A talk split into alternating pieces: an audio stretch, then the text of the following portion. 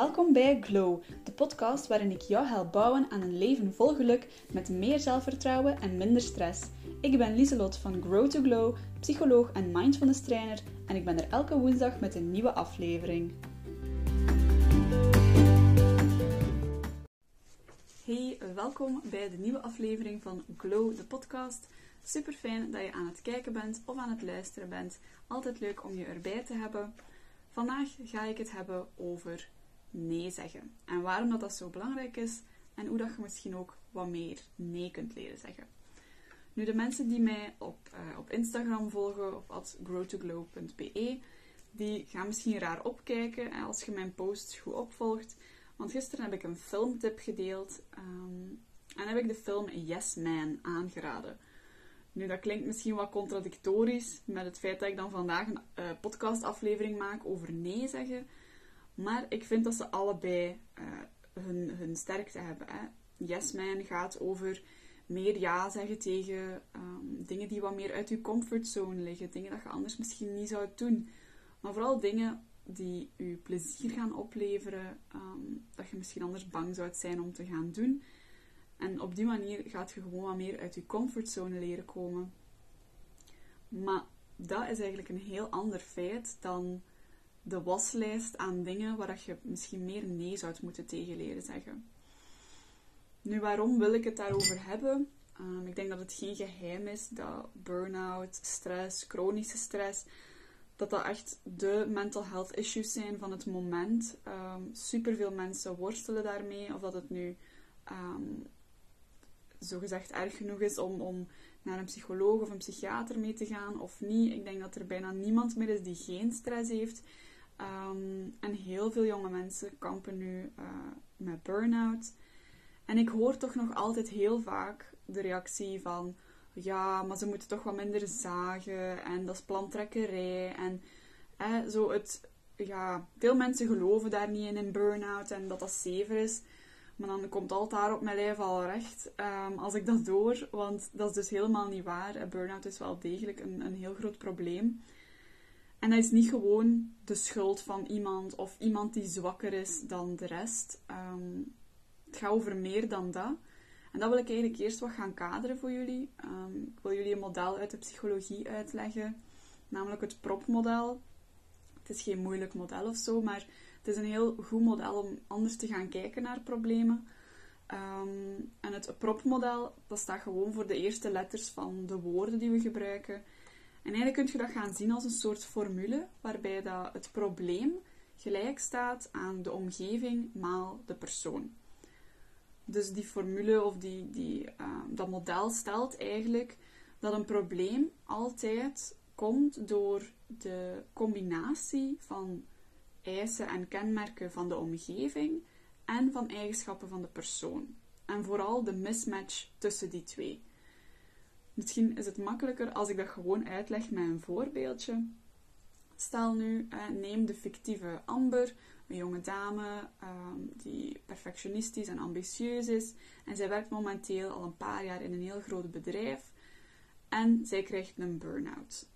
Stel nu dat elk probleem of elke burn-out puur komt door de omgeving waar dat iemand werkt. Hè? Puur door de omgevingskenmerken dan zou iedereen in datzelfde bedrijf een burn-out moeten krijgen. Want ja, die omgeving is duidelijk uh, de reden van een burn-out.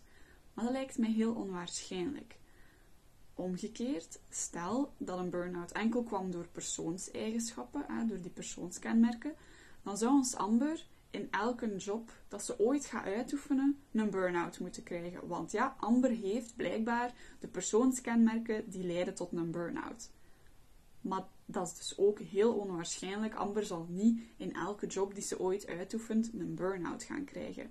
Het gaat dus echt over de combinatie van de uh, eigenschappen en de eisen van die werkomgeving en de combinatie uh, met de kenmerken van Amber. Bijvoorbeeld perfectionisme um, of heel ambitieus zijn.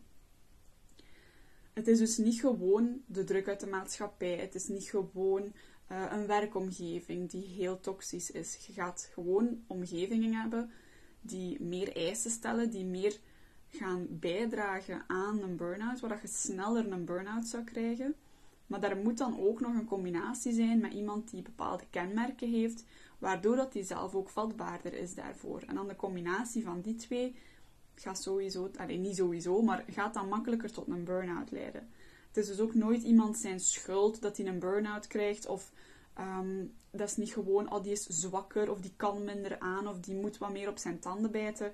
Het is echt niet zo zwart-wit als dat. Het gaat echt over die combinatie van werkomgeving en de persoonskenmerken die sneller of minder gaan leiden tot een burn-out.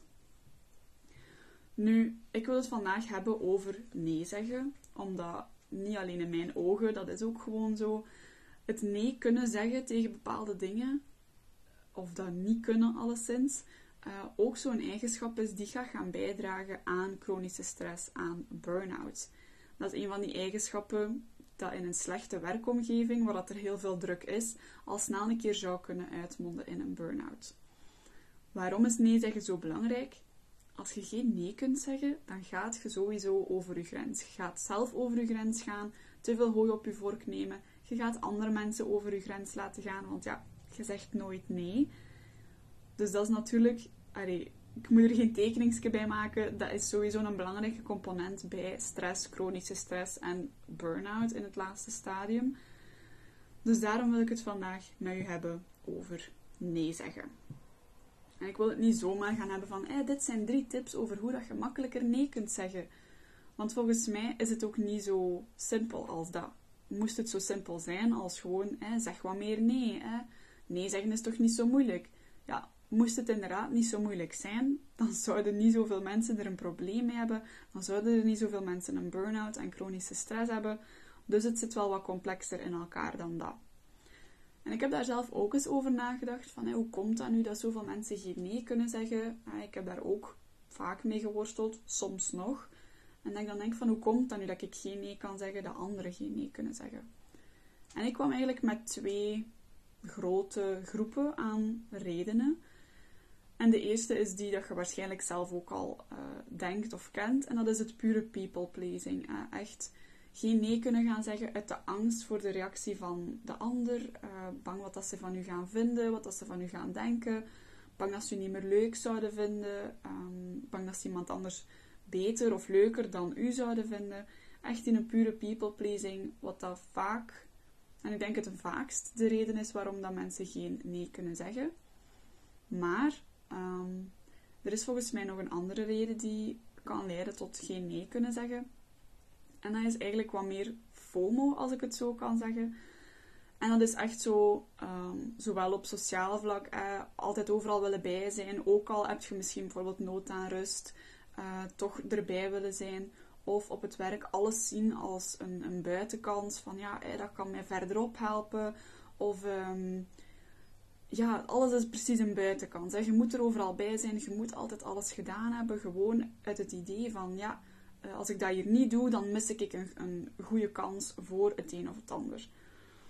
Die twee redenen, die people pleasing en die FOMO, kunnen in dezelfde persoon zitten. Als het dan bijvoorbeeld over andere zaken gaat. Bijvoorbeeld op sociaal vlak kun je altijd ja zeggen uit in een FOMO en er altijd bij willen zijn. Ehm, en dan op het werk kan dat zijn omdat je uh, een, beetje een people pleaser bent en uh, je baas niet wilt teleurstellen bijvoorbeeld. Het kan ook zijn dat iemand enkel uh, geen nee kan zeggen vanuit die people pleasing of enkel vanuit die FOMO. Of misschien is er nog een andere reden, dat kan ook. Maar ik wil dat je eens nadenkt hoe dat, dat bij u zit. Ik vermoed dat als je naar deze aflevering luistert, dat je misschien zelf ook wat struggelt met dat nee zeggen. En dan wil ik u eens vragen of uitdagen om te gaan nadenken bij jezelf van, van waar komt dat? Waarom kan ik geen nee zeggen? Stel dat je vermoedt dat dat vanuit die people pleasing komt. Hoe komt dat? Hoe komt dat dat je zo bang bent voor de reactie van iemand anders? Ehm, hoe komt dat dat je misschien specifiek tegen je baas geen nee kunt zeggen, maar wel tegen je vrienden of wel tegen iemand uit de sportclub bijvoorbeeld? Hoe komt dat bij u? Of als je het gevoel hebt dat het meer vanuit die FOMO komt, ja, hoe komt dat? Dat je overal altijd wilt bij zijn. Hoe komt dat dat je precies het gevoel hebt dat alles een buitenkantje is? Hoe komt het dat je precies gewoon hogerop wilt klimmen? En zo snel mogelijk. Denk daar eens over na Dat is niet zo simpel als, eh, denk er eens over na, ik weet dat ook wel. Maar gewoon leren nee zeggen, dat gaat niet zonder dat je weet hoe dat het komt. Als je dat onderliggend probleem niet aanpakt, dan gaat het nooit beter gaan. Hè? Dan gaat het misschien een tijdje beter gaan, maar als je dan weer in een uh, periode van stress komt, dan gaat je misschien gewoon weer hervallen in je oude gewoontes. Dus het is echt belangrijk om te gaan kijken naar die reden waarom. En uh, ja, misschien heb je daar hulp bij nodig van een vriend, een vriendin of professionele hulp. Dat maakt mij niet uit. Maar als het echt zo'n groot probleem is dat je nooit nee kunt zeggen, ja, dan is het wel een keer belangrijk om daarover te gaan nadenken. Hè. Um, het kan bijvoorbeeld zijn dat iemand heel hard um, overal ja op zegt uh, uit die angst voor de reactie van de ander, omdat hij misschien als kind gepest geweest is en toen heel hard het gevoel had dat hij er niet bij hoorde. Um, en dat hij gewoon nooit meer terug wil naar zo'n situatie. Dat hij daarom zoveel mogelijk uh, op alles ja zegt, zeker niet uh, tegen iemand zijn schenen wil schoppen en op, om die reden uh, geen nee durft of kan zeggen tegen iemand. Dat is een heel normale reactie, dat zeg ik niet dat dat niet normaal is. Maar dat gaat je andere problemen opleveren dan er niet bij te horen. Dus dan is dat zeker iets om eens uh, samen met een professional gewoon uh, te gaan ontleden. En als het vanuit die FOMO komt, wie weet heb je het gevoel van ik weet eigenlijk niet wat ik wil met mijn leven. Eigenlijk doe ik maar wat en probeer ik overal ja op te zeggen, gewoon in de hoop dat het dan ergens toe leidt. Hè? Dat ik dan opeens misschien mijn life purpose vind of dat ik iets vind dat ik heel leuk vind. Maar dat is niet de beste manier om dat te gaan doen natuurlijk. Dan zou je beter beetje gaan soul searchen alleen of samen met mensen of samen met professionals naar wat dat je wilt in het leven. In plaats van jezelf een burn-out in te drijven omdat je nog niet weet wat dat je wilt. Dus ik wil je echt uitdagen om daar goed over na te denken en dan dat probleem te gaan aanpakken. En een keer dat je dat probleem aanpakt, dan gaat nee zeggen vanzelf veel, veel makkelijker worden. Je moet dus bij elk probleem altijd eerst weten hoe dat het komt. Waarom heb je een bepaald probleem? Waarom kun je geen nee zeggen voordat je het gaat kunnen oplossen? Want anders is dat precies gewoon zo aan een plakker op de wonden leggen. Maar ja, de wonde geneest niet als je er niets mee doet. Dus dat was een beetje mijn uh, uitleg, mijn vraag naar u. Om te gaan nadenken over waarom dat je geen nee kunt zeggen. En om daar hopelijk iets aan te kunnen doen, zodat je jezelf minder die chronische stress en die burn-out injaagt. Dus dat was het eigenlijk een beetje voor vandaag. het is een beetje een korte aflevering. Um, al mijn afleveringen zijn eigenlijk redelijk kort, maar ik persoonlijk vind dat wel fijn. Uh, als je eens wilt laten weten of dat jullie die afleveringen leuk vinden, zo kort, zou dat heel leuk zijn. Um, anders kan ik ze altijd wat langer proberen maken. Maar nu zal ik anders nog even heel kort recappen. Het is dus super belangrijk om te kunnen nee zeggen, zodat je jezelf niet altijd um, die stress aandoet. En nog erger, zodat je niet een burn-out zou injagen. Maar om te leren nee zeggen, moet je eigenlijk het probleem dat eronder zit gaan aanpakken. Moet je eigenlijk gaan kijken hoe dat het komt dat je geen nee kunt zeggen. Of dat het nu is door die people pleasing, of dat het nu is door FOMO, of misschien nog iets helemaal anders. Dat kan ook. Maar die reden gaan onderzoeken en daaraan gaan werken, gaat er automatisch voor zorgen dat nee zeggen veel makkelijker gaat.